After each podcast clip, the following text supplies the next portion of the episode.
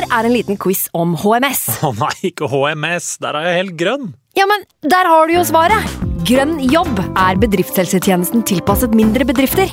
Våre HMS-eksperter hjelper mer enn 8000 bedrifter over hele Norge med alt fra lovpålagte HMS-krav til pålegg fra Arbeidstilsynet. Få på plass bedriftshelsetjeneste på grønnjobb.no. Hallo? Jeg kommer fra Oslo politikammer. Ine Jansen er purk. Er du purk? The motherfucking bitch. Alt jeg vil, er å finne ut hva som skjedde med mannen min. Jon Carew. Er jeg sikta for noe? Iben Akeli. Det er du. Ole So, Lars Berrum og Big Daddy Karsten. Hvem sin side er du på, egentlig? Anette Hoff, Tone Danielsen, Kommer du fra Afrika? Jørnis Josef, Nesten. Kløfta. Trond Espen Seim, Det er synd å si det, men det var feil mann som døde. Purk. Premiere tirsdag på TV2 Play.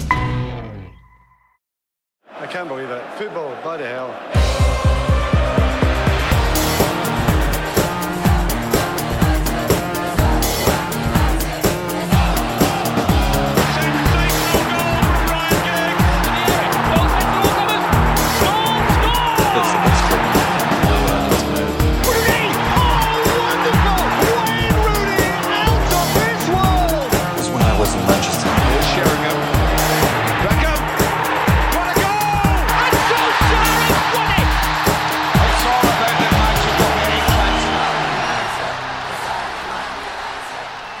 Velkommen skal det være til en ny utgave av United We podcast. Da var altså det første poengtappet under Ole Gunnar Solskjær kommet, og det er også kanskje rett etter en av de aller mest imponerende kampene uh, under uh, nordmannen. Uh, Andreas Hedman, velkommen. Tony Marshall came from France. The English press said he had no chance. 50 million down the drain. As Tony Marshall scores again. Tony Marshall Vet du hva, jeg, jeg savner faktisk da de gikk over til Som de gjorde i starten. Jeg syns det var så deilig å stå sånn og raie. Eh, etter at Tony Marshall hadde begynt å varme opp, som det stort sett var da de begynte å synge det. Jeg må, jeg må avsløre at vi hadde avtalt dette før vi kom inn. Ja, dere hadde det, I anledning da Martial-signeringen, da. Ja, Nå eh, kommer snart Tom Sterry. Du er med på komplottet, Ken. Ja,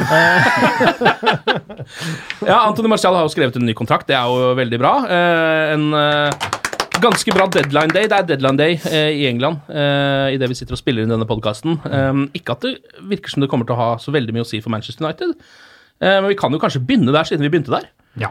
Um, eh, da, Nå kuppa jo den litt, da. Du må kanskje introdusere de Skal jeg introdusere de andre? Ja, ja, ja. Ja. Sebastian Brynestad, velkommen. Du, tusen hjertelig takk. Eh, Anders Serede, velkommen til deg også. Takk.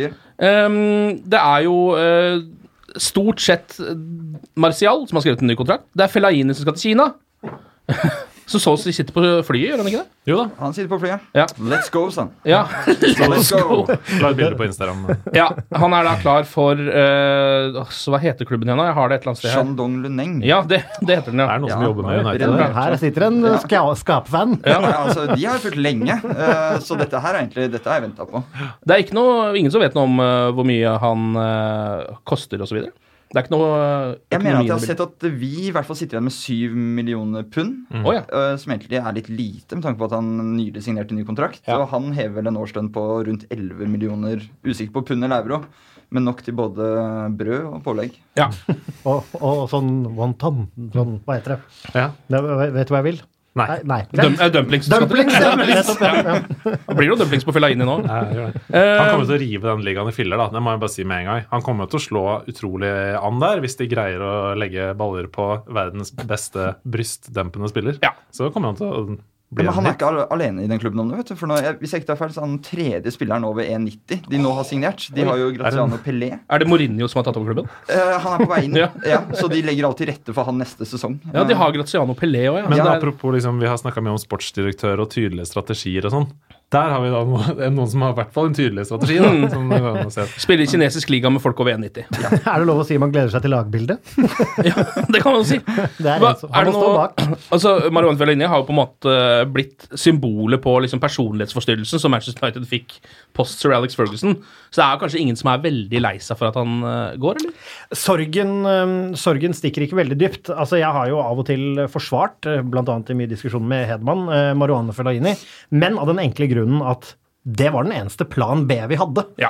Og når det er den eneste plan B vi har, så er det greit. Da gjør han den jobben bedre enn noen andre. Det å stå der, ta ned baller, som vi Ja. sier, eller header i kassa og mate på i boksen, det er han god på. Det er ikke den fotballen vi vil spille, så good riddance. Men når det er sagt, takk skal du ha, Fellaini, for de poengene du sikret. Ja, ja, absolutt, og jeg syns han fortjener en verdig avskjed fra Old Trafford. Og han har skrevet seg inn i noen historiebøker i Manchester United. Han har avgjort mange vel, veldig viktige kamper for oss. Det jeg har vært kritisk til, er en tiltenkt rolle i førstelaget. Ja. Eh, som et våpen, plan B. Kjempebra. Men eh, Marwan Fellaini passer ikke inn i noen moderne fotballmanageres eh, stil. Eh, og han kommer ikke til å få sjansen under Solskjær. Det så vi allerede i en kamp hvor Solskjær måtte avgjøre. Bytter ut to spillere med fart og kreativitet med to andre spillere med mer fart og kreativitet. Ja. Det er helt åpenbart liksom, det som er strategien. Det er ikke en kjempe som man skal slå lange baller på. Nei. Han gjorde jo det samme i Molde. Eh, satte inn Hussein på midten eh, og fjerna gamle måten å spille på da han kom dit. Ja.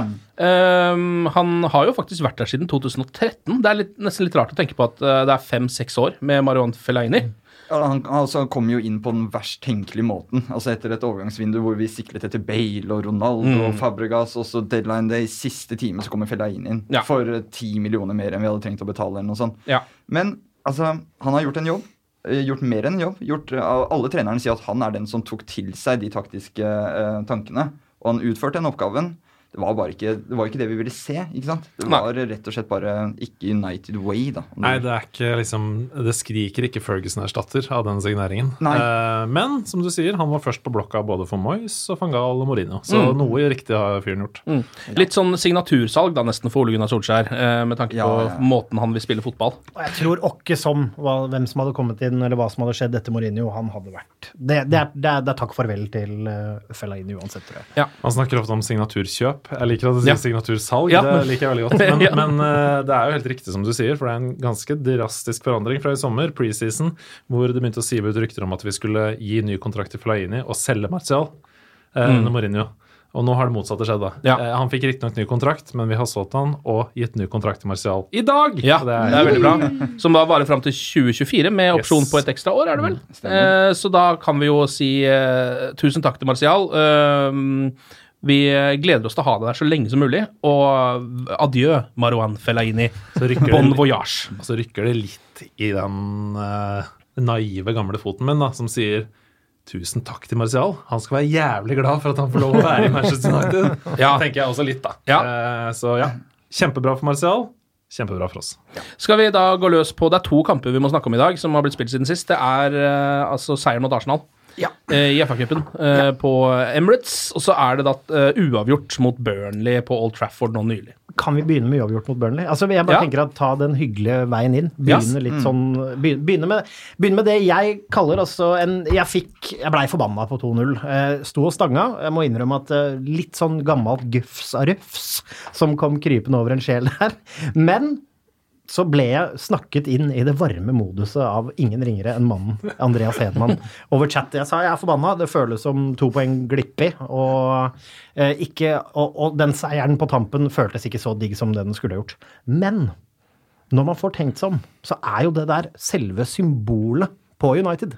Det å aldri gi opp, det å never say die, som vi ikke har sett på hundrevis av år. Altså Vi har jo til, til en viss grad sett det, men ikke på den måten. Vi styrer, vi styrer, får en i sekken, styrer, køler på.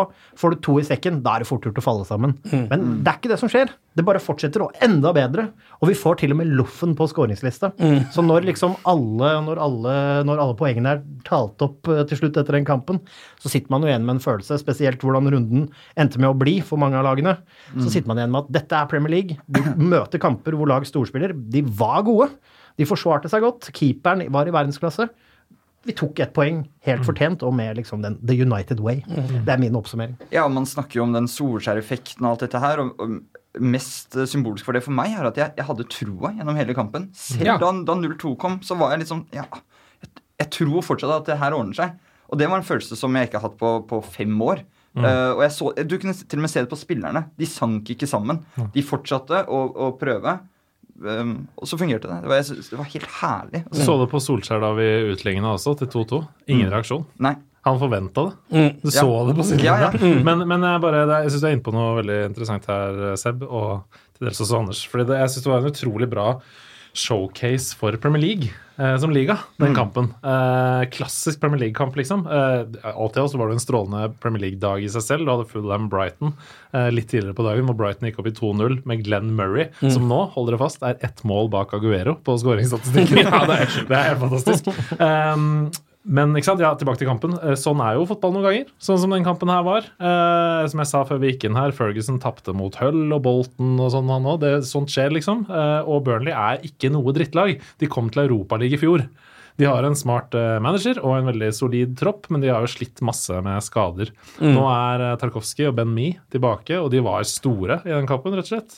Fantastisk defensivt. Eh, så det må vi huske. Det er ikke sånn ah, vi, skal, vi skal hamle over Burnley uansett. Sånn er det ikke. Det er ingen kamper i Premier League som er sånn. I hvert fall ikke når man kommer under på den måten som de gjorde da. Nei, for det er akkurat det. ikke sant? Rashford hadde en jævlig dårlig dag på jobben. To mål som han skulle ha satt, som han hadde satt hvis ikke han hadde hatt 150 timer fotball i beina de siste Ja. måneden.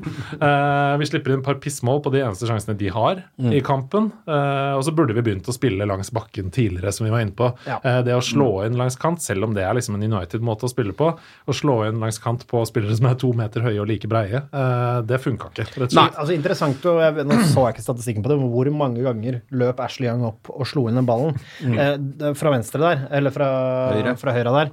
Eh, og, og det var litt sånn symptomatisk for starten. Spiller bra, snubler litt i i av, avslutningsøyeblikket, og så blir det alltid liksom klarert. De står jævlig godt, og keeper er jo i tillegg helt med. Og så skinner det jo bitte litt igjennom. Kaste den, kaste den hatten inn i ringen og si at er innleggsfoten til Ashley Young eh, god nok? Den har jo aldri vært god nok. Jo, den er god nok hvis han kan være på venstrekanten og ta én inn i banen, og så slå den knallhardt på bakste. Sant. Helst til Fellaini. Mm. Da skyter han noen ganger ja, sjøl ja, ikke sant? Det, der var han sinnssykt god i Villa og i starten av United-karrieren også. Mm. Men til den Burnley-kampen uh, Sean Dyche har aldri tapt en Premier League-kamp på en tirsdag. Eh, den statistikken opprettholdt han nå. For en type? Eh, og uten at det skal bli veldig sånn taktisk prat her, så tror jeg akkurat det med innleggene til United var også en plan fra Dyche. Altså, de- lå så kompakt i midten, og Ben Mee og Tarkovskij altså, Det presset på ballføret var vanvittig, og United ble på mange måter tvunget ut på kantene. Og der Bare la de slå inn, på en måte. La de slå inn. Det, det hamler vi opp med. Lukaku vant ingen hodedueller Nei. i hele kampen. Det hadde ikke jeg er gjort mot de stopperne der. Uh, og han er en svær mann, altså. Men, men ja, um, Burnley, utrolig godt organisert. Tydelig plan. Uh, men alt i alt, da, så, som dere er inne på her, så er det elleve mann som nekter å gi opp, og som har lyst til å vinne den kampen. Mm. Skårer to mål på sju minutter. Og når ehm, eh, John Moss blåser i fløyta, og det står 2-2, som er et mirakel, egentlig, så er de lynende forbanna. Ja. Alle sammen. Det, hvis den kampen hadde vart i tre minutter til, så hadde det jo vært uh, tre poeng. Hadde det vart i ett minutt, Ja, sannsynligvis. det er altså John Moss, vi spiller jo ballen i beina hans, og han blåser av 20 sekunder for tidlig eh, og før overtiden her, på overtid. Og det var liksom Ja, hvis vi ikke hadde gjort det, da, hvis den ballen ikke hadde gått i John Moss, men isteden Ja. til Pogba, for eksempel, Ja. så kunne det blitt eh, 3-2. Men altså, det er jo en, en annen ting. Nå, dette irriterte meg litt. Jeg synes at Solskjær er for sein til å ta grep. Eh, og spesielt Ja. den Pereira som eh, nest, altså Vi spiller til tider med, altså Kanskje å ta i litt, men vi spiller til tider nesten med ni mann. Eller med ti mann. Han er liksom eh, jeg syns ikke det klaffer. Jeg syns ikke han gjør, gjør det han skal. Han er ikke rytmisk med. Han, om feilene skjer, så er det der. Man ser det så godt, og så kommer den ultraglippen. Eh, og det kan man kanskje ikke forutse, men når det skjer og i tillegg du liksom altså Han skulle vært bytta ut i pausen, ikke sant? Og det, hadde- alle ser det. Han hadde 14 ballmist og null gjenvinninger, vel, i den kampen. Eh, Det går ikke. Nei. Eh, Men eh, det er ett lite fokus som har vært litt som jeg har vært for dårlig på sjøl òg, faktisk, etter den kampen. Eh, Og det er den pasninga fra Phil Jones. For det er ikke akkurat noe lett situasjon han setter Pereira i der. Nei. Eh, Ja, han driter seg ut på den ballen, men han får en ganske knølete pasning Ja, fra. Phil Jones også. Så Men when, in, men when in doubt, Pereira. Ja, ja. When in Ut doubt. over sidelinja. Sant. Ja, nei, men det er, det er jo også Er ikke det noe som eh, Jeg husker at det var sånn under Sir Alex også, og under egentlig nesten alle fotballmanagere, så er det jo sånn De venter jo alltid til det har gått 72 minutter med å gjøre et eneste bytte, et eneste grep. Det er liksom bare en regel, nesten. Jeg er veldig fan av 60, jeg, da. 60 er mitt tall. Ja, jeg også liker 60. Halvtime igjen, liksom. Halvtime igjen. Har du noe du, Ja, har litt Og da har du fått et kvarter etter pause på uh, å snu det, liksom. Hvis Ja. du ikke har funka den første omgang. Mm. Hvis du ikke har snudd det innen et kvarter, da, da kommer du ikke til å snu det. Så ut på 60. Men man ser jo argumentet at hvis han hadde plukka Pereira etter den tabba umiddelbart der, så hadde Pereira aldri spilt igjen. Nei. Nei. Nei. Eh, og han prøver jo på en måte å, å forsvare han litt, men Andreas Pereira altså Jeg blir bare nødt til å si det. Sorry, du er ikke god nok. Han kommer nok aldri til å bli god nok heller. Og, og, ja, nei, og det er det, og om noe så får man låne låne han ut, så han får spille førstelagsfotball i et lag, så får vi se om han tar Ja, det har vi jo prøvd prøvd noen ganger. Ja, jo, jo, jo, men Ja. du, får, du, får bestemme, du får bestemme oss. Fordi han, altså, nå fikk han jo faen meg starte, da. Og det er ikke bra. Han mister. Han jobber ikke like bra. Han er, han er ikke på nivået. Hvor er, altså, det finnes veldig mange spillere som heller skulle vært Og jeg er heller ikke banen. noe fan av å ta ut spillere etter å ha gjort en feil, men du så det i de første fem minuttene at ok, nå er det mentale helt borte. Han, da ble det langpasninger som ikke hadde noen mottaker, Ja. og han var, han var heit. da. Altfor heit. Um, om han da skulle bli flyttet i en annen rolle eller bare tatt ut, jeg vet ikke, men jeg tror nok også Solskjær skjønte ok, det her, dette kommer jo ikke til å gå. Han, han kommer ikke til å spille seg inn i denne kampen. Nei. Og det, sånn sett kunne det byttet blitt forsvart, men eh, ja, du får jo vondt av gutten nå, da. Ja, altså Det er den der uh, romantiseringen av akademigutter fra Manchester United. Jeg skjønner det. Jeg skjønner den romantiseringen. Men nå har han fått veldig veldig mange sjanser. Jeg trodde ikke at han skulle starte en kamp igjen for Manchester United, og ble litt overraska da uh, Ole Gunnar valgte å hvile hans trofaste våpenganger, nemlig Ander Herrera, øh, for Pereira. Um, fordi Han har ikke gjort sakene sine bra i Manchester United. Og for å være helt ærlig, så gjorde han ikke sakene sine spesielt bra i Valencia heller. Eh, mot rimelig mye dårligere motstand. Så han er, sånn jeg ser det, ikke god nok til å spille for Manchester United. Når vi først er inne på det, eh, og litt eh, kritikk av eh, Solskjær, eh, så fikk han jo mye pepper i avisen da, eh, for det laguttaket eh, i forkant av Burnley-matchen. Eh, Som når man ser på det, egentlig ikke er så spesielt. Det er jo liksom at Andreas Pereira spiller eh, framfor Herrera eller ja, noen andre. Eh, Kanskje Fred, liksom. Jeg vet ikke. Det Mata og Mata starter, og Lukaku starter jo i stedet for Rashford. Da, men da har jo Lukaku hatt en glimrende match mot Arsenal. Ja, altså Han måtte jo få sjansen igjen. Ja, det det syns jeg. Han har gjort seg fortjent den sjansen. Herrera, han det sa jo Solskjær, han hadde slitne bein. Spilt mye. Ja. Eh, måtte egentlig hviles, han også. Dette kunne jo vært en ideell mulighet å hvile Herrera. Så Mm. viste det at det fungerte ikke med Pereira. Kanskje burde Fred ha spilt. Jeg vet ikke om Fred er i stand til å spille fotball etter den tunnelen han fikk av Rashford. Før, eh, Ja, på treningsfeltet. ja, ja, på Old Trafford der. Ja. Altså, jeg vet at jeg hadde ikke møtt opp på Carrington igjen med det Nei, må huske Han har en familie, stakkar. Altså, Ja, må behandle han med litt respekt. Ja, um, så det, det, jeg, jeg føler ikke at dette var en sånn gamble fra Solskjær. Han måtte gjøre noen endringer. De avisoverskriftene er bare å ignorere, ass, for å være helt 100 ærlig. Eh, Vi er med i tre turneringer. Vi skal møte PSG, Chelsea, Liverpool back to back eh, i februar. Vi må rotere. Ja. Og, og hva ellers, hvor ellers skal man rotere da, enn Burnley hjemme? Det er riktig kamp å rotere i. Ja. Eh, og så kan du si, som du sier, at noen av valgene, noen av rotasjons... eh, altså, skulle Fred ha starta isteden, liksom? Kanskje, men det blir bare ifs and buts i ettertid. Eh, så ja. Og så tror jeg Solskjær også en verdi av dette her. En 2-2-kamp sånn som dette, når du ser hva som skorter, hva som går gærent. Jeg tror det er ganske mye læring hos Solskjær også. Du lærer mye om spillerne dine. Du lærer mye om hva som funker Ja, ja, i roteringen. Hvor, og det er eksperimentelt. Er- Var Per Pereira kanskje, kanskje her han skulle spille? Nei! Nei. Det var det ikke. Nei. Og det var ikke her heller, nei. Nei. Skal han spille i det hele tatt? Nei! Tror jeg han tenker nå. Ja ja. Da Ja. så er ikke han første på laguttaket neste gang. Han har jo vært ute og sagt det tidligere også. Jeg kommer til å gi spillere sjansen, og da må de gripe den. Ja. Han grep den ikke. Uh, og hvis vi oppsummerer helgen, som du var inne på, så har vi jo ikke mista to poeng på topp fire. Vi har henta inn ett. Det er jo supert. det. ja. Du var jo heldig med de resultatene, de andre resultatene der. Fullstendig kalkulert. Ja, Iskald og Solskjær. Solskjæreffekten heter det. Ja. Ja. Da Bournemouth, så, men det må jeg bare si, en liten digresjon her. Joshua King spiller en fantastisk kamp for Bournemouth mot Chelsea. Skårer to mål. Eh, Kanskje sin beste kamp i Premier League noensinne. Overskriften 'Hjalp Solskjær'. ja. Ja. Det orker jeg ikke. Nei. Det orker jeg ikke.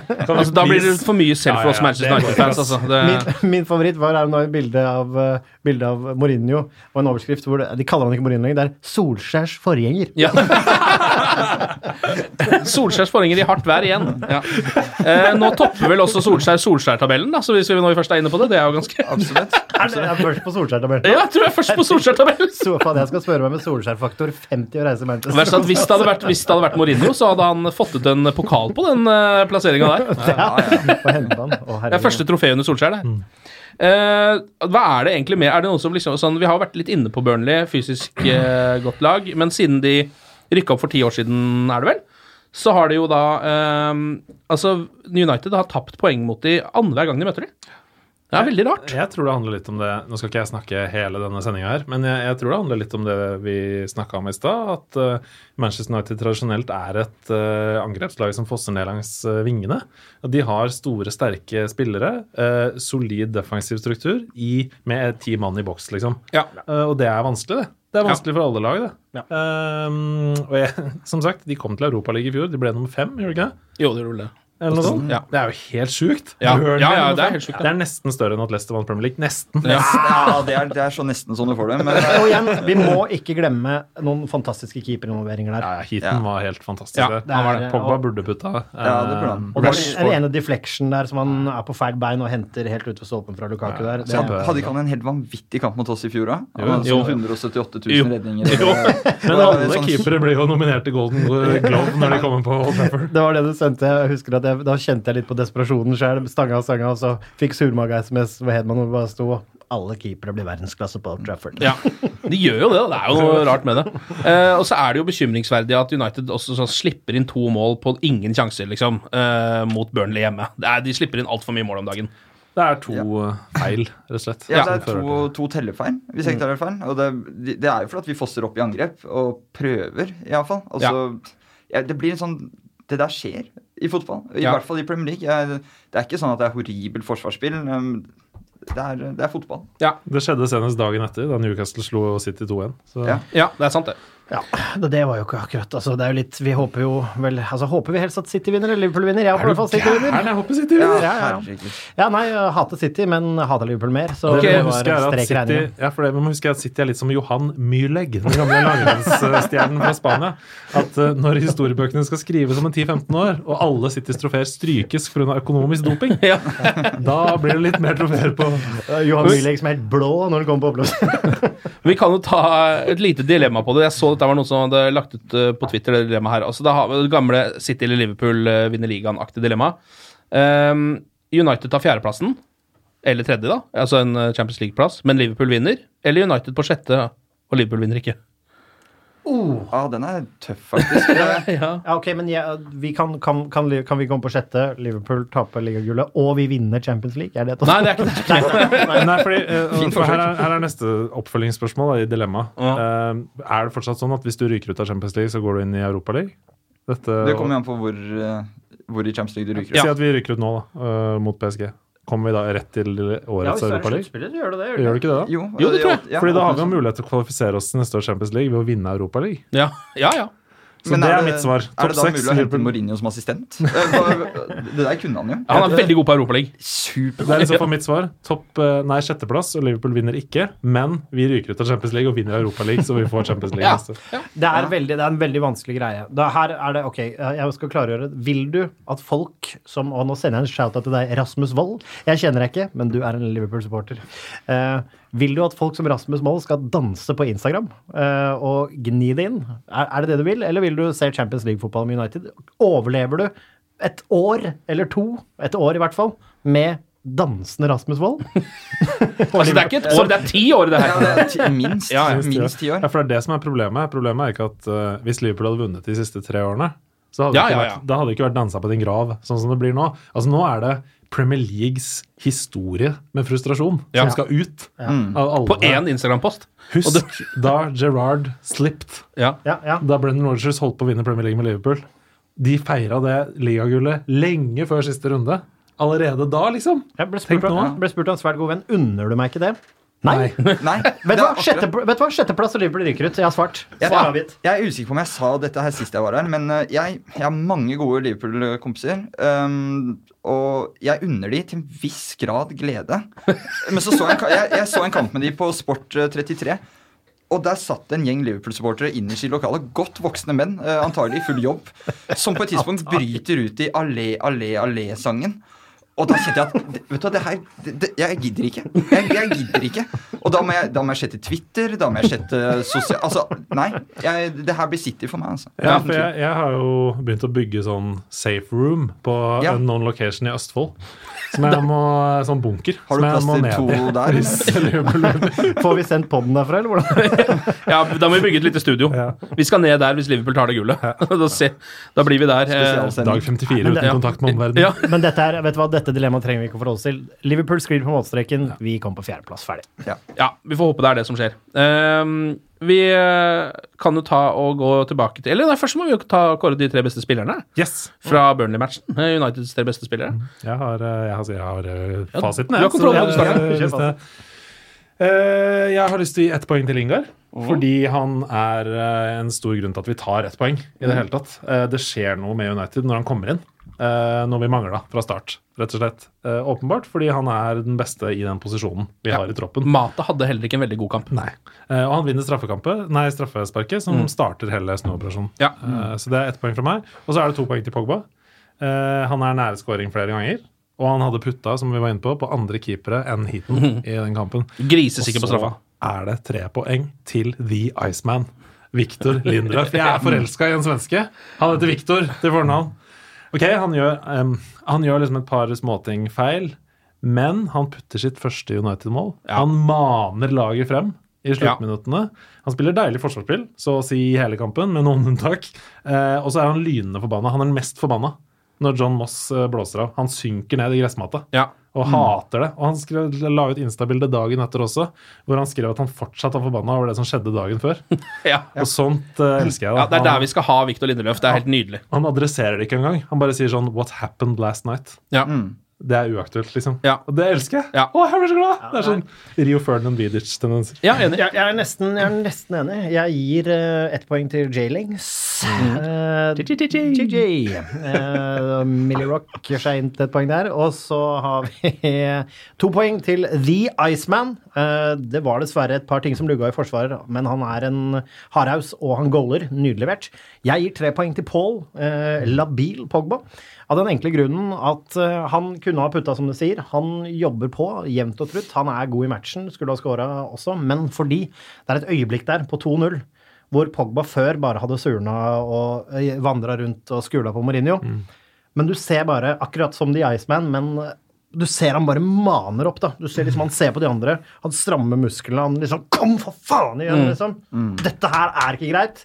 Og jobber på jevnt og trutt hele veien. Han får, eh, han får tress, fordi vi taper den kampen der, dessverre, på et par forsvarssituasjoner der. Så det, ja, det, der, der har vi ikke Lindeløf. Det er close race. Men så er det også verdt å merke seg at eh, Pogba tilsynelatende spilte ti minutter med en, en strekk Ja. eller en føling på tampen her. Du, Ja. ser at, du ser at det lugger, at det gjør ordentlig vondt i det det skjer. Og klarer fortsatt å være så toneangivende for opphentingen. Jeg, var, jeg kom akkurat hjem fra Lisboa eh, og snakket med en del eh, fotballtryner der nede. Vi, vi skjønner ikke hvor stor stjerne Lindeløf har altså, i, eh, i Portugal. Ja. De savner han fælt på Stadio da Luz Ja. i Benfica. Og de er nesten sånn Pass på gutten vår. Altså, Ja. ta, nå begynner dere å se hva han har, da. Mm. Og Det syns jeg vi gjorde spesielt mot Burnley. Det er igjen litt sånn taktisk, men midtbanen vår ble jo de ble tatt ut av eh, høyt press. Lindeløf var nesten som en playmaker. Mm. Og du ser den selvtilliten han har med å ta ballen opp i banen. Vi har ikke sett det fra stopperne våre på fem år. Nei. Kanskje litt for at de ikke har fått lov, og sånn, men der er Lindeløf perfekt. Mm. Han er uh, uten tvil den beste for meg. Etterfulgt av uh, Jay Lings, kan vi kalle han Lingard. Ja, Eh, Jeg kaller han med bitende ironi for J-Lings. King of Pop, eh, om du vil, som Moonwalker eh, Og Lock. hvor han vil. Pop og Lock. Ja, og Nei. Pogba, ja. Og Pogba, ja. Ja. ja. Da er det altså Lindeløf som til sammen stikker av med bestemannsprisen, da. Akkurat som at det kom en eh, hel generasjon med norske angrepsspillere etter Solskjær, så kommer det sikkert en hel generasjon med midtstoppere fra Sverige eh, om en 10-15 år. Det gjør det. Eh, all right, da kan vi jo hoppe videre til uh, Arsenal-kampen. Noe litt hyggeligere å snakke om. Kan jeg bare si at jeg tippet 3-1 til Manchester United? Jeg lurer på om jeg gjorde det her også, men ja, eh, bevis. i, hvert fall, uh, i hvert fall i samtale med Andreas Hedman. Ja. Um, nå skal ikke jeg gni i den. altså Det er en sunn, en sunn skepsis og misantropi til den matchen skal være lov etter Arsenal som kommer fra Chelsea-seier og hjemme i deres turnering, FA-cupen. Mm. Men Fytti Fytte grisen, det smakte godt, ass. Det er lenge siden jeg har kost meg så mye med fotball. Der er en svineviktig eh, turnering for oss i år. Champions League er beintøft. Eh, Det blir ekstremt tøft å sikre den fjerdeplassen, og uansett, eh, alle trofeer, sjanser er borte. FA-cupen, det er liksom en sånn ting som jeg ser for meg at Solskjær løfter i år. Men dette her var et alvorlig hinder. Men fytte rakkeren for en respons, da.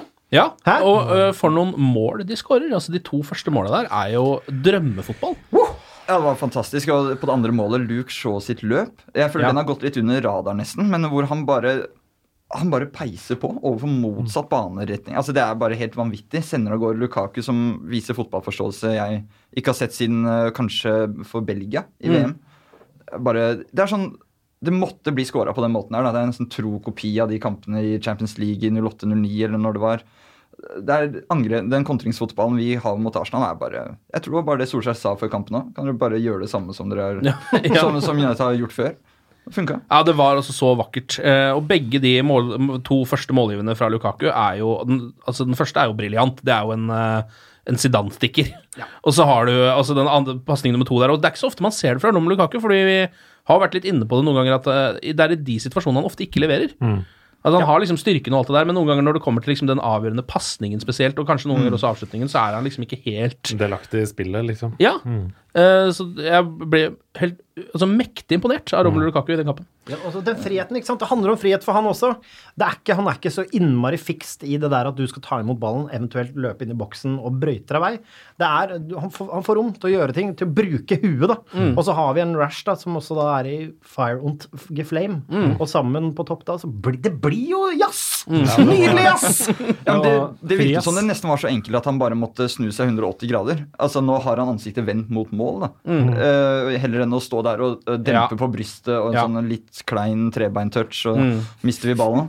Uh, ja, men nå er, det, nå er det full fart fremover, da. Og Mm. den stikkeren til Sanchez her, det er sånn Guti has. Ja, Altså, ja, det er det. Faen, ser du det, Lukaku gjøre det? Ja. Nei, det var helt fantastisk. Og at Alexis også skulle skåre mot Arsenal, det er så deilig. det var deilig. skrevet i Ja, ja, ja. stjernene. Han, han skulle ha feira mer.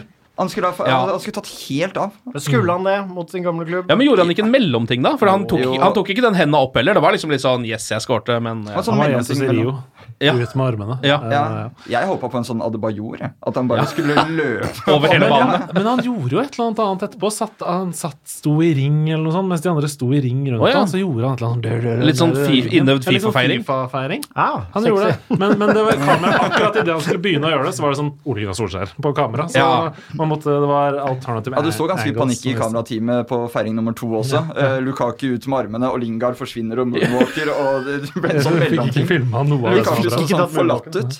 Ja, jeg så Lukaku la det faktisk ut dagen etter på Instagram. Bare 'don't leave me hanging' på den måten, uh, J-Links. Det er ikke hyggelig gjort. Men, men altså, hva, hva gjør det? Altså, det å moonwalke med knotter jeg, jeg kan ikke så mye om dansing, men det, det må jo gjøre nesten vondt. Ja. Eller, altså, Det er vondere for matta enn det for han. Ja, det er en utfordring, og banemannen han river av seg siste lille luggen der i det moonwalken. ja, altså, det, Som et siste hån. det er kult å pådra seg strekk for at du har moonwalka med knotter. Jeg Ja. tenker Nani fikk ikke lov til å ta saltoene lenger, så kanskje det blir en sånn lignende Ja, Det var jo altså, også ganske eh, deilig hån fra Lingard, syns jeg, eh, på sosiale medier etter kampen. hvor han eh, bare liksom legger ut et bilde, og så er det bare 'location dance floor'. Ja, det er- det er- Geotagga Emirates som dance floor. Og, og Arsenal TV, en leverandør av snop hver gang Arsenal Ja, ja. taper. Eh, la meg bare si at uh, de reaksjonene på Arsenal TV er noe av det morsomste. Dancing on a fucking pitch, George! They're fucking dancing blood! Fucking moonwalking! On er fucking turf, mate! Det er også så sinte folk på den tired. Robbie. Men hvor I'm tired, Robbie. I'm so. Fucking dancing! Jeg så alt det, og den, den, Men det beste er å se reporteren stå der sånn helt avbalansert og ta imot all den dritten. Det beste, det beste er at de hisser seg opp. Det begynner sånn I know, it's just another one of those when it's going, you know, much match just keeps going on. Where's fucking Granny Chaka? fucking Granit Xhaka! Alltid sjaka det går utover. It's not good enough! It's not good enough! Vet du hva, Da koser jeg meg. Jeg smiler. Altså, ja, det er liksom julekvelden med familien og når det er Arsenal TV. Det er det jeg koser meg Skyt inn i årene mine. Det var en strålende kamp, og det var liksom eh, kollektivet Manchester United da, som plutselig sto frem som et lag som kan slå alle i hele verden. Ja. Jeg tenkte etter den kampen jeg tenkte bring on PSG. Ja. Null stress. Nå har vi tatt Pochettino, nå har vi tatt Emery.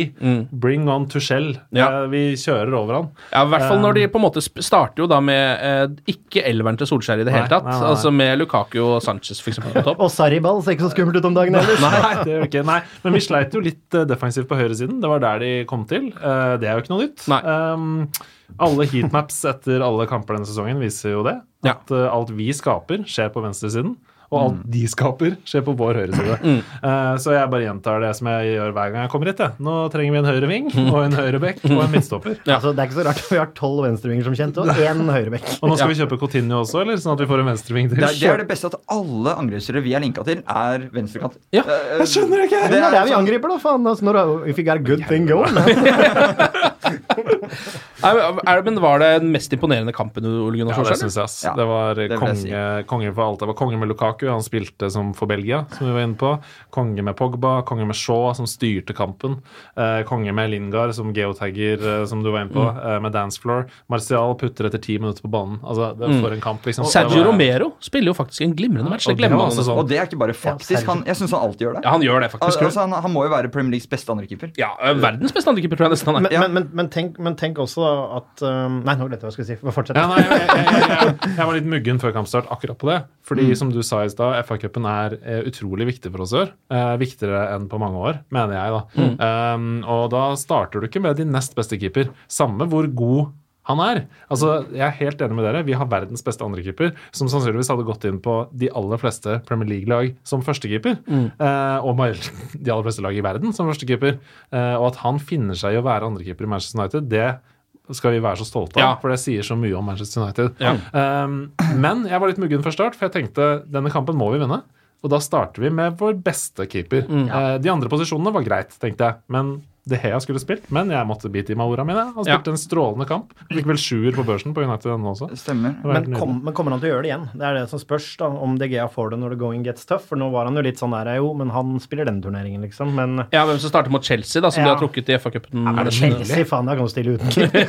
Men faen for en trekning, ass. Er det mulig, liksom? Ja. Først Arsenal borte, og så Chelsea borte. Vi kunne møtt Middlesbrough eller uh, Ja, ja. Swinage. Nei, vi, eller vi, vi pisser på Chelsea nå. Vi blir knust av Middlesbrough i finalen.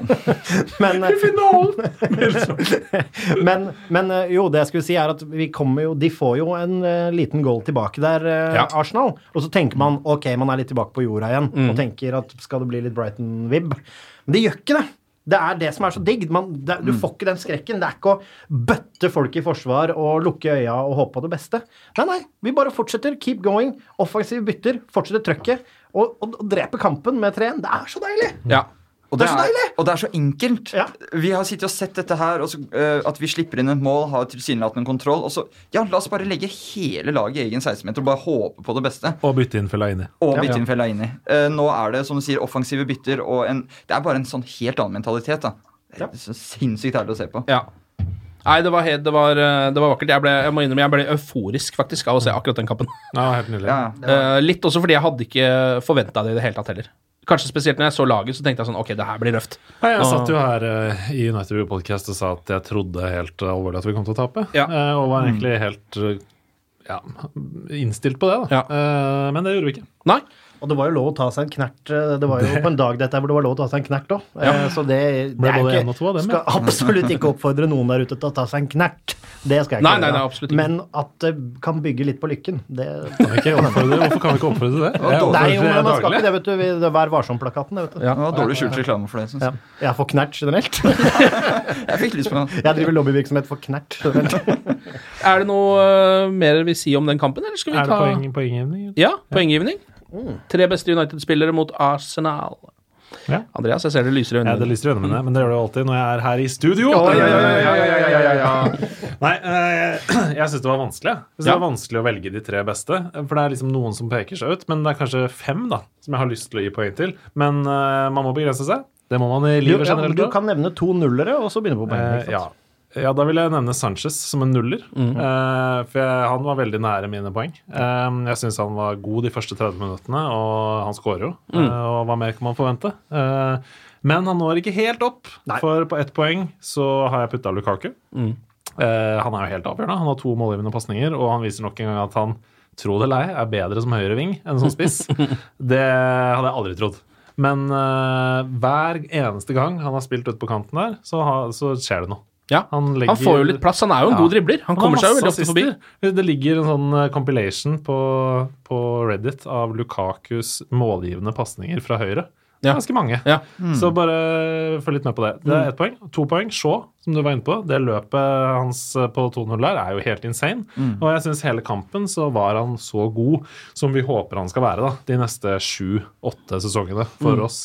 Uh, så tre poeng er jo bare å bøye seg i støvet for Pogba. da. Ja. For en spiller. Han er under Solskjær en av verdens beste midtbanespillere. Og for en grell kontrast til å sitte på benken under José Mourinho. Med den var- svarte hetta trukket godt nedover fjeset. Han var en måned uten fotball. Det er Det kan, kommer jeg aldri til å tilgi Mourinho for. Han har gjort, han har gjort masse Han har gjort masse for Manchester United. Mourinho, det er jeg enig med Eivind om når han snakker om, men å sette verdens kanskje beste midtbanespiller, eh, nå som Kevin De Bruyne både har en dupp og har hatt mye skader og sånn, på benken i en måned, det er helt krise. Altså, uten, uten å spore helt av, så er jo det også Det var jo maktkamp. Det var jo ikke et Ja. fotballfaglig grep, det. Nei. Det var eh, rett og slett for å ha kontroll på troppene og si at du kan ikke styre denne klubben her, Pogba. Nei. Så ett poeng til Lukaku, to til Shaw, tre til Pogba. Ja. Jeg har ett poeng til Luke Shaw, to poeng til Paul Pogba og tre poeng til Romelu. Dobbel assist Ja. Lukaku. ja, han var bra. Ja. Jeg, jeg tror jeg bare må kopiere Hedman sin. Ja. eh, rett og slett. Men jeg har lyst til å gi null poeng til Romero også. Mm. The Curious Case of Romero. Eh, Ja. Jeg tror han aldri har vært førstekeeper. Eh, Jeg tror han var Det er bortsett fra for Argentina. Han, Ja, for da Argentina. skulle han jo stå i hele VM. Ble skada med en gang. Ja, han, han ble henta som andrekeeper fra Sampdoria. Men han har Eh, spilt VM-finale, har han ikke det? Han kom tilbake til finalen. Ja da, han spilte i 2014. Ja, 2014. spilte han. 2014 så sto han der. Ja. Um, Pogba, den der maktkampen der, det var helt grusomt å sitte og følge med på um, fra et redaksjonelt eh, ståsted. eh, Fordi du, du vil jo ikke at spillere skal ha kontroll, mer kontroll enn treneren i en klubb. Men det her var så åpenbart feil. Altså, han, han måtte spille. Og han kom rett fra VM, verdensmester, og så sitter han der som en sånn dark Jedi og er bare mørk på benken. Det var forferdelig å se på. Eh, han var banens beste for meg, helt uten tvil. Det siste løpet der, da er man så sliten i beina. Når han fyrer av gårde skuddet, mener du? Som Marcial til slutt mm. setter inn. Da kjenner du melkesyra. Altså. Ja. Du ser han, han bare Han setter i en sånn gir som ja, Det er bare de beste midtbanespillerne i verden som gjør det der. Jeg vil gjøre om. du vil gjøre om, ja. Ja, nei, men det er tett rett meg, fordi Jeg har lyst til å gi den til Lukaku fordi Pogba kommer til å få så mye poeng, men jeg, man kan ikke diskutere med det. I retrospekt, Pogba må ha de tre. ja. Så Han var to, så god. to til Lukaku. Jeg tror kanskje det er den beste kampen hans under Solskjær. Og bare for å sende litt sånn for United, snikreklame for United.no her. eh, Det eksklusive Solskjær-intervjuet vi har på topp i skrivende stund, og antageligvis når dette også publiseres omtrent. Måten han snakker om Pogba, måten Solskjær snakker om Pogba som en ledertype i garderoben og fotballspiller, det, det er natt og dag. Da. Det er Ja. natt og dag. Vi så det under VM også. Det, altså, han sto jo fram, han var jo lederen i garderoben. Han, han holdt jo siste talen før de skulle ut. Mm. Eh, før han de viktige kampene i sluttspillet der. Eh, til, og den eh, talen hans foran finalen, den er helt Ja, den er bra, ass. Den er virkelig sånn Oi, shit, er du ti år eldre enn du egentlig er? Mm. Følte jeg da jeg så den. Så det er jo åpenbart at um, det er Mourinho som tok feil. Ikke sant? Vi satt her og snakka om eh, Pogba eller Mourinho. Hvem skal ut? Mm. Eh, tenk at vi satt og diskuterte det. ja, men jeg tror nesten alle landa på Pogbas side, da. Det må vi jo ja, men likevel. Ja. Altså Der og da, da vi satt og diskuterte det, så føltes det som du var inne på, helt reelt å sitte og diskutere. Fordi spillemakt er eh, poison. Det, Liksom. han demonstrerte på banen. Ja, Det, ja, ja. er, det er ikke lov. Og spillemakt er ikke bra eh, i noen fotballklubber i verden. Mm. Men i retrospekt, og alt Alt er jo eh, Hva er det det heter? Hindsight is 50-50? Ja. Er det det? 2020. Ja, 2020. 50-50. gitt. Eh, Hindsight er 50-50. Det er jo rimelig skarpt syn, altså. 50-50. Nei, um, så var det bare tull å diskutere det. Men samme det. Ja. Paul Pogba, da. Uniteds og banens eh, beste eh, mot Arsenal i FA-cupen. Vi har trukket Chelsea neste runde. Uheldig med den, selvfølgelig, men eh, akkurat nå så tar jeg det litt imot, kjenner jeg. Eh, de må jo uansett altså sånn, Det er et sånn typisk lag man kanskje kan få i finalen. Få det unna nå, så eh, er den, sitter de igjen med ganske mye ikke like god kvalitet etter hvert. Den eneste bekymringen jeg har, det er om, eh, om de har Sarri som manager før den kampen. Eller om f.eks. John Terry har kommet inn Ja. som en slags Ja. caretaker-manager. Ja, Men tror du de gir Sarri sparken så fort, da? Ja, det kan fort skje. Det er jo Det er Chelsea. altså- Han har vært ute i media og sagt eh, jeg sliter med å motivere disse spillerne. Eh, Ja. Og så kom nå- det jo et svar, faktisk. Da hadde de jo en kamp hvor de spilte drita bra. Ja, ja, og så nå etter Bournemouth, hvor han var 40 minutter alene i garderoben med spillerne etter kampen. Han var i, og Ingen fikk slippe inn, og ingen vet hva som ble sagt der. Men på pressekonferansen etterpå så tok han på seg skylda og sa det viser seg at jeg ikke har evnen til Ja. å motivere disse spillerne. Ja. Eh, Det er fallitterklæring. Da er det Det er egentlig ikke noe vits å ha han der lenger. Så hvis Roman Nei, hvor er han her? Han er i eksil et eller annet sted, han nå? Roman Abramovic? Ja. Jeg tror han, tror han, uh, Han får ikke lov å være i London eller i Russland? Ja, sånn? det er et eller annet med det. For han, har jo, han er jo ikke russer lenger, er det ikke sånn? Han Nei, nei, bytta det er et eller annet sånt, statsborgerskap. Et eller annet Ja, greier. ledig jobb i Molde. Ja, nei, så hvis han kjenner sin besøkelsestid, så er det nok John Terry eller en caretaker-manager som er manager når vi møter dem, og det er noe dritt. Hvor er Di Ja, Matteo om dagen? Er Ja, godt spørsmål. nei. Verdens beste caretaker. verdens beste Vant, caretaker? vant Champions League og fortsatt ikke fikk lov å fortsette. Tenk på det. Men, ja, tenk litt på det. Men jeg, jeg må bare si om Sarri. Ja. Er det bare jeg som syns det ser ut som en slags krysning mellom syvende far i huset og en sigg? Men det er jo det han gjør! Altså Når du røyker så mye som han, så blir det jo til slutt 60% sigg. Eh, Ja, han ser ut som en sigg. Ja, ja. En våt sigg. han ser litt ut som sigg. Hva slags Jeg tenker blodprins i så fall. Ja. Han, han er det sterkeste av det. Ja, ja. Rullings, han. Ja, han er rullings. Men apropos, da. altså sånn, Chelsea nå, med det som skjer, ja, de kan få inn en antageligvis. Vi får se da med denne Sarri. Men det er jo ikke noen skrekktrekning akkurat nå. Bank i det berømte bordet. Men, eh, og, og det er lettere å motivere seg mot en, en United-kamp, for det går jo litt på stolthet og fans og trøkk og sånn, enn det er med den eh, kampen nå. Men det skal United ha. Vi er favoritter. Soleklare favoritter i denne matchen. Men vi vinner aldri på Stamford Bridge. Nei. Det viser statistikken. Trenger jo ikke ikke vinne, da. Eh, man kan jo gå videre med uavgjort. Ja. Ja, ja, ja. Nei, men eh, ja, det vet jo du alt om, sikkert. jeg, har skrevet så mange previews før disse kampene, for eksempel, og det er samme tittelen hver gang. Skal vi endelig slå de på brua? Ja. Men Vi nå- gjør ikke det. Men har du sett gresset der? Det er prima for moonwalks. Jeg har det. Dance floor. De har laga en liten egen parkett på sida der, klar for Lingard, så man kan uh, Altså.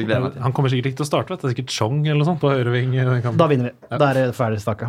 Et lite deadline day-rykte som vi ikke tok med oss i stad, er jo at Real Madrid, ifølge The Sun, eh, forbereder et megabud på Marcus Rashford. Lykke til. Og det må jeg bare si, at hvis det stemmer, så skjønner jeg det kjempegodt. jeg. Ja. Hvorfor ikke? Ja. Han er et av verdens største angrepstalenter. Han er på vei inn i sin prime. Mm. Mm. han har ti år liksom med verdensklassefotball foran seg. Hvorfor skal ikke Real Madrid ønske seg Marcus Rashford? Ja. Alle klubber i verden burde Mm. ønske seg Marcus Rashford.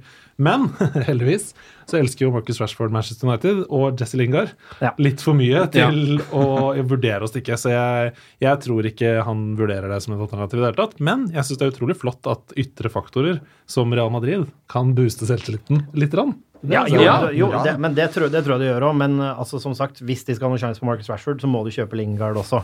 Det er, altså, han kler, altså, har dere sett Rashford som Lingard er sånn Yeah, oh, fucking all right, man! Med Pogba. De er så fete og kler seg ut med sånne hippiehatt og hva faen, jeg vet ikke hva det heter. Og er så fete og klesmerker og sånn. Altså, Rashford ser jo så jævlig ut som han ene som har kledd seg ut for å være med. Skjønner du hva jeg mener? Ja. Se på alle bildene. De har sånne ringer i øra og fire par briller på og ni capser og sånn. Og bak står det som Rashford, som du ser har fått låne. Han også. Låne noen av klærne til Lingard. Jeg er helt sikker på at de går i klesbutikk sammen, fordi Marcus må ha handletips. Ja. Og så er jeg helt sikker på at han ringer før han skal kle på seg. Men det er, det er, Jesse, Jesse. ja, ja, Jesse men det er sånn Jesse bare Yeah, no, blood, it's just my blood. Og Marcus Yes, hello, I'm a nice Marcus Raffa, also cool. han er så nerd. Det er er den flotteste Manchester-dialekten jeg har hørt noen gang. Det, Tusen hjertelig. Det var veldig bra. Det er jo eh, altså eh, Neil Custis, som er litt sånn United-mannen da i The Sun, som skriver om dette. The Sun er jo ikke noe man alltid trenger å stole på, men Nei, men Neil Custis Han er han kan man stole på. Han er flink. Ja. Uh, kanskje også bekjent som uh, The Fat Man. Er Ja. ikke det van Gahl uh, ropte? You, fat man. Ja, ikke sant? Men han, han er på en måte, hva skal man si, dessverre en veldig god journalist Mm. i, eh, i feil avis. Og jeg tviler ikke på at interessen er reell. Ja. Et, så klart har et lag som Real Madrid Marcus Rashford på blokka. Mm. Det har alle de største toppklubbene. At de forbereder et bud, hva, hva betyr det? Det er bare Nei. at de vurderer det. Eh, Men de har jo akkurat hentet han Vincinius jr. Ja. Nå gjettet jeg på hvordan man sier det navnet, men eh, det er rundt der et sted. Eh, som jeg antar at de har tenkt å satse på i årene som kommer. Ja. Ødegaard? Er han fortsatt eh, der? Altså, tingen er at De kommer ikke til å kjøpe Marcus Rashford. Han, eh, kom, United kommer aldri til å selge han. Nei. Så, og han vil ikke dra. La oss eh, bare ha det Altså, klart. altså, hva koster Marcus Rashford nå uansett i januar? Altså, Det er helt redonkulous med penger. Og hvis, altså, det mener jeg. 100 Selger- millioner pund er, er det som nevnes. Det er jo Altså, selger, selger United Marcus Rashford innen de neste fem årene, vet du hva? Da blir jeg grumsete sur. Ja, det kommer ikke til å skje, men ikke sant? Uh, eneste grunnen til at vi i det hele tatt bekymrer oss for dette her nå, er jo at vi befinner oss i 2019 istedenfor i 1999. Fordi eh, vi vet jo alle at f.eks. både eh, klubbdirektøren til Real Madrid og Barcelona skrev en tom sjekk og ga til Manchester United og ba de fylle ut for Paul Scholes. Eh, hvis det hadde vært 2019, så hadde vi sittet der og rista for vi hadde vært så stressa for å miste Paul Scholes. Men vi fikk aldri vite om det før ti år etterpå. Nei. Ikke sant? Fordi informasjonsflyten er helt annerledes nå. Så nå får man jo vite absolutt alt. Hvis noen nyser, og tilfeldigvis nyser Rashford, så får vi vite det, på en måte. Ja. Men, men, men vi sitter og rister, men i den tida med Paul Scholes på den blanke sjekken, så var det fortsatt litt sånn Dr. Evil-moment, hvor liksom United tenkte sånn We want two million pounds! det, var, det var summene på den tiden. Two million million! Sykt mye. Det er nå! Men det er jo både litt Det er det, eh, det, er det Marcus Rashford koster nå. Two million million pounds. Det er jo både litt sånn fryktinngytende og deilig da, eh, at det kommer noen sånne Real Madrid-rykter rundt spillerne våre. Da veit du liksom at eh, Marcus Rashford han er på vei et sted. Og så gjør vi ting bra. Ja. Det er ganske lenge siden vi har hørt rykter om at Real Madrid er keen på å legge 100 millioner på bordet for noen av våre spillere. Så ja, jeg liker det litt, jeg. Nei, altså det må vel, jeg håper bare at vi altså Da håper jeg bare i den min, overgangsvinduet som kommer nå Nå blir det så grelt spennende ass, i sommer. Ja. Hvordan skal dette laget komplementeres nå? Nå har liksom, Vi viser, viser at her er materialet. Det føles ikke lenger som vi må ribbe hele stallen. Det føles som vi har masse gode prospekter. Det føles ut som vi har noen tydelige hull som kan fylles veldig, ganske enkelt strategisk. og Det er ikke sånn, det skal ikke 300 millioner pund til for å, for å gjøre dette laget komplett. Eh, Snarere tvert imot eh, mye billigere, bare tre pund. men, men jeg har så ordentlig troa på at vi går en spennende sommer i møte. Jeg tror ikke det blir noen salg av noen store profiler, og jeg tror liksom vi kan se på at det endelig kommer noe skikkelig juice inn, og ikke en venstrekant. Gud forby. Fordi nå er det nemlig plutselig igjen utrolig attraktivt å spille for Manchester United. Eh, disse moderne fotballspillerne som vi har snakka om før, at trenger mye mer enn historie for å motivere seg til å spille for de største klubbene i verden. Eh, the talk on the corner nå, det er å spille for Manchester United. Ja. Uh, og det er fett. Eh, Spillere, verdensstjerner, skjønner at de vokser sin egen profil av å komme til klubben. Og det er fantastisk. Det betyr at vi er attraktive i et stadig mer pressa overgangsmarked. Så er vi heldige nå, så blir Manchester så populært igjen at eh, sånn som på 90-tallet blir populært å ta den røde djeveltatoveringen på ankelen. ja. Vi får håpe den kommer tilbake igjen snart. Ja, alle den kvinner. har jeg faktisk. Det? Ja. Nei, nei, jeg tapte et veddemål som 18-åring. Den, er ikke- den er ikke rød, da. Den er svart. Og jeg har egentlig ønska meg en sånn tatoveringsfjerning til bursdag hvert år siden, men mamma sier at det her må du bare leve med. Jeg krever bilder ut på SoMe. Det er rett ut på SoMe. Jeg har en familie, og, så det, det, det vil jeg ikke, rett og slett. Men, eh, Men, men vet du, vet du hva, jeg skal, jeg, skal kaste, jeg, skal kaste en, jeg skal kaste en livbøye til det her nå for ikke å være ensom. Hvis United vinner Premier League neste sesong, skal jeg faen meg ta en matchene. Å, shit! Det, var, det var akkurat sånn det her startet. Så shout-out til Niklas Huse, som faktisk gikk og gjorde det her, og tvang meg ned på et shady tatoveringssjappe i gamlebyen. Jeg, jeg, jeg gråt hele veien. Ned og hjem, faktisk. Men du, du er ikke, vinner vi neste år, så er du ikke lenger aleine, i hvert fall. Dette er, dette er, det er en god pakt. Se der, der har vi den, ja! Nei, ja, fy faen, den, vet du hva, det der går vi for. Vet du hva? Ja. Den er vakker. Jeg kommer, Alle til, jeg kommer til å be de rette opp min bitte litt, men alle sammen må vite det. Det, er- det er vakkert. Bare gjør det sjæl også. Eh, vi har jo fått høre at Neymar ikke skal spille mot United, verken hjemme eller borte eh, i Champions League for PSG. Han er rett og slett skada. Eh, hva gjør det med troa på avansement? Ja, vet du hva, det gjør ingenting for meg. Altså, Nei. vet du, fra eller til, det er sånn, det er merkelig, for jeg tenkte først sånn Ja! Så tenker jeg sånn, Kanskje til og med kan være skumlere. For jeg føler at Neymar han må spille. Jeg føler at han er en sånn grine, grinasabb. Og, og, Også og en av verdens fokus. beste spillere. Da. Definitivt. Så det er jo klart jeg blir litt naivt å si at det ikke har noe å si. Men allikevel så føler jeg liksom at PSG kan fortsatt mane eh, ganske fryktinngytende angrep. Absolutt. Så jeg føler at man må liksom ikke tenke at nå er det fritt fram, eh, fritt fram eh, for rent angrep, for nå er de tomme for talenter. Det er en viss Kylian som jeg er mer redd for. Du vet hvem som kommer til å starte i hans posisjon? Di Maria. Slangen Di Maria.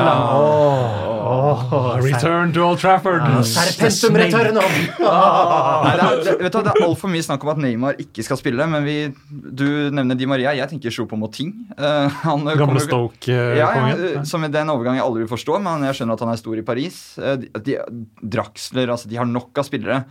Men det vi ser på Twitter fra Neymar, eller det jeg ser, er ofte enten at han filmer eller en sånn syk finte. Men jeg tror han leverer ganske jevnt sinnssykt bra for PSG. Ja, han gjør det. Altså- jeg mistenker at han, eller jeg tror han har noe som 13 målpoeng på de ti siste kampene. eller noe Ja da. Det vi må håpe på, da, det er jo at PSG gjør en Brasil under VM. At de går ut med trøya Ja. på midten av banen og sørger over den tapte sønn.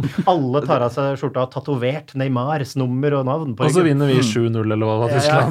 7-1. 7-1. Men, men, men Neymar men, altså, Det er igjen det er fransk liga, da, og man skal ikke mokke andre ligaer for mye. Men det er en lettere liga å få målpoeng i. Ja, men Neymar har gjort det i La Liga, eh, han har gjort det i Frankrike, han gjør det i VM. Samme hvor han spiller. Han hadde gjort det i Premier League. Jeg liker ikke Neymar! Jeg orker ikke å si at Det han er verdens en fordel for oss at Ja. Neymar ikke ja, spiller er den kampen. Eh, Men jeg syns, som du er inne på, jeg synes generelt at PSG slarker om dagen. Jeg, jeg syns ikke det er helt olje og maskineri, eh, det de holder på med i, la, nei, i Liga A heller.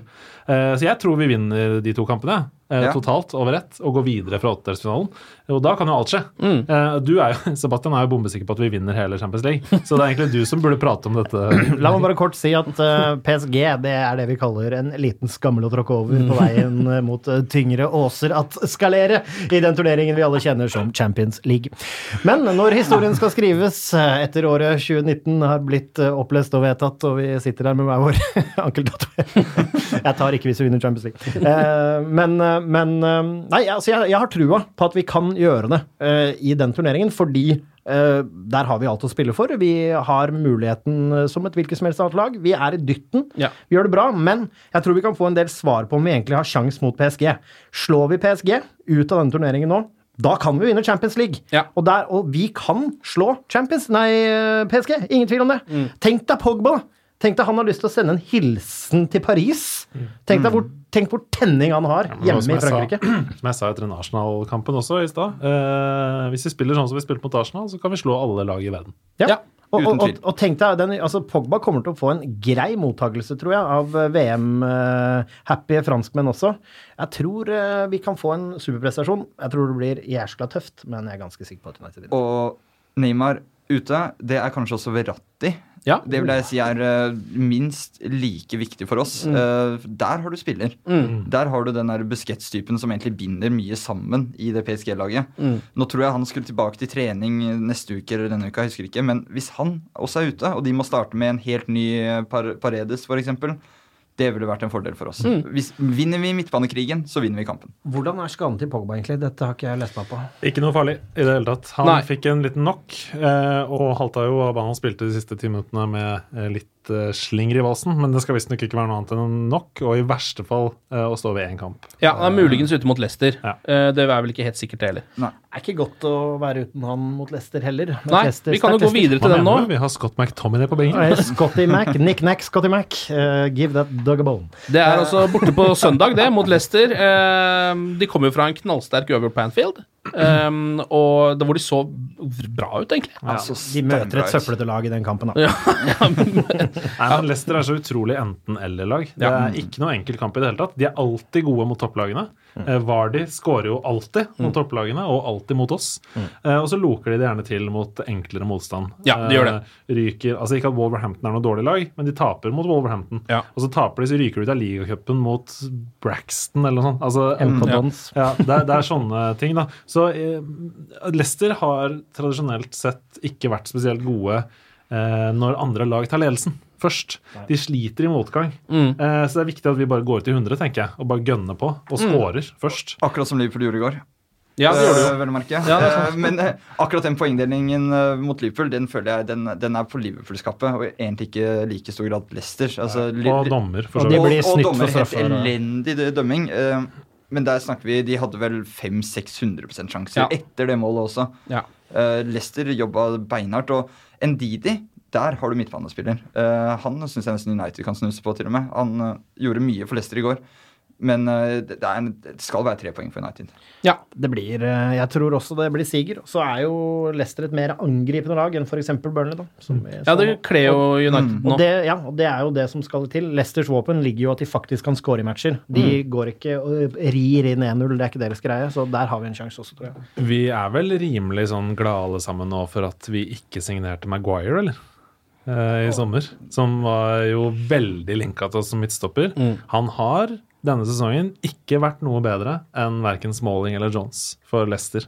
Eh, vi drev og eh, roste han opp i himmelen som eh, Ja, han er nesten like god som Alderweireld. The old English defender. Han er, like, han er skikkelig målfarlig, sånn som van Dijk. Og Ja. sånn, Han er ikke like god som van Dijk Men det kunne, eller vært et, det kunne vært et annet felespill, både offensivt og defensivt, på et bedre lag. da. Du så jo hvordan han presterte for England mm. der. Der var han god. Ja, Men, men det, det var et England-lag England-lag i flyt. eh, og vi ble grepet av det, det, Ja, det vi så fra Russland. Og jeg tenker, når jeg tenker Maguire, så tenker jeg mest på den memen som gikk rundt, hvor han står og forklarer eh, målet sitt og sånn. Han ble sånn karakter. Mm. Så herlig type. ikke sant? Du, det hadde vært kult å sette han i United-drakt, men jeg vet ikke om han hadde forbedret Forsvaret. Nei, ikke det hele tatt. Det er jeg helt sikker på at han ikke hadde. Og du, Det er så mange eksempler på det der. Se på Jerry Mina, f.eks. Ja, ja. Dritgod i VM, ikke noe god, egentlig. Nei. Eh, em, til en viss grad også James Rodriguez. Eh, Out of this world i VM-et han spilte i var 2014, hvor alle var sånn Ja, eh, han er den største stjernen i verden. Gikk til Real Madrid, sitter på benken, liksom. Eh, altså, Han herjer ganske bra i Bayern, tror jeg. Ja. Altså, det- det- nå, ja, men det tok tre år, da. Ja. Eller fire Jo, jo. år. Så Men det er liksom Men å se en spiller som gjør det bra i flyt, eh, har jo nødvendigvis et potensial. Og jeg tror ikke vi har sett det siste til Harry Maguire nødvendigvis. Nei. Nei, Vi får se hvordan, uh, hvordan det blir på søndag. Martial er vel tilbake. Han var skada mot Burnley. Uh, er vel tilbake, vil jeg tro. Uh, Pogba får, må kanskje stå over det, får vi se litt på.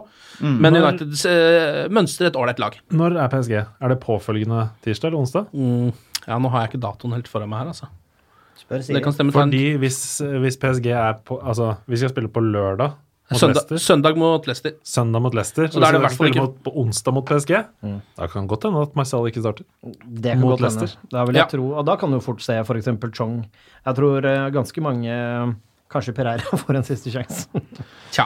Nei, jeg bare lurer på om eh, For hvis det er noe Nå har ikke vi sjekka her nå, men hvis det er back to back eh, Leicester og så PSG følgende onsdag, da tror jeg vi må rotere, eh, Mm. Rett og slett. Så ja. Det blir spennende. Ålreit, jeg tror ikke vi rekker noe mer, gutter. Nei, det gjør ikke jeg heller, for jeg skal på show. Ja, du skal på show! Du skal på show, du. Stemmer det. Er, eh, er Marit Voldsæter i byen? Nei, det er ikke det. Vi skal på Revy med Christiania Blir Gøyemakeri. Det burde alle sjekke ut. Og plugg den, ja. Ja, se der, ja. den, Ja, se der. ja, det, den der så de ikke komme. Det er Sebastian. Anders og Andreas, takk for besøket. Takk for at vi fikk komme. Glory, glory.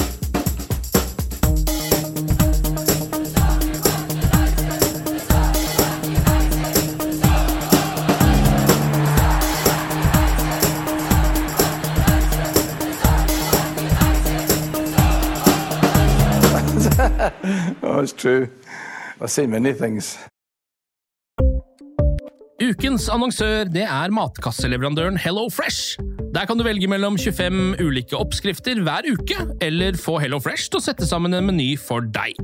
Jeg sparer tid på å handle, oppskriften er veldig enkel å lage, og så får jeg akkurat det jeg trenger da, til hver eneste rett, så jeg slipper å kaste så mye mat som jeg vanligvis gjør. Det er også litt deilig å faktisk slippe å gå på butikken, ikke bare fordi det er tidkrevende og sånn, men fordi man ender opp med å kjøpe så mye greier som man egentlig ikke trenger, sånn som fire poser eh, Smash og en kick med havsalt, for eksempel.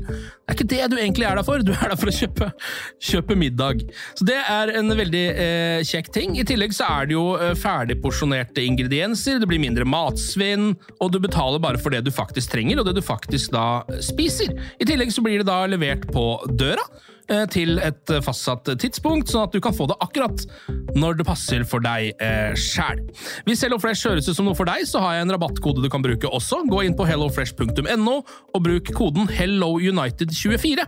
HelloUnited i ett ord, også 24, og få opptil 1779 kroner i rabatt på de fem første matkassene dine hvis du ikke har prøvd HelloFresh ennå. Du kan også bruke koden hvis du tidligere har vært kunde, men har stoppa abonnementet ditt for tolv måneder siden eller mer. Det er ingen bindingstid, og du kan pause eller avslutte abonnementet ditt akkurat når du selv måtte ønske. Husk koden HelloUnited24, og bon appétit! Ukens annonsør er Folio, en smartere banktjeneste for deg som har en egen bedrift eller ønsker å starte for deg selv. Folio er en superenkel nettbank for bedrifter. Som kunde i Folio får du en bedriftskonto med et bedriftskort og app.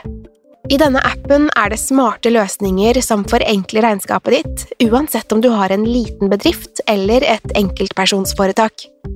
Folio er både intuitivt og brukervennlig, og er laget med et enkelt språk.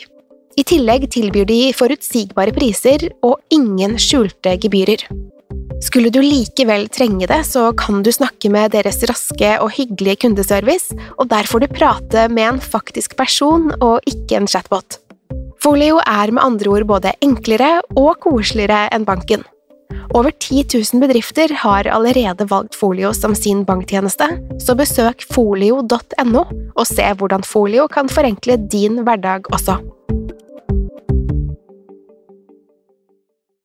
Har du et enkeltpersonforetak eller en liten bedrift? Da er du sikkert lei av å høre meg snakke om hvor enkelt det er med kvitteringer og bilag i fiken, så vi gir oss her, vi. Fordi vi liker enkelt.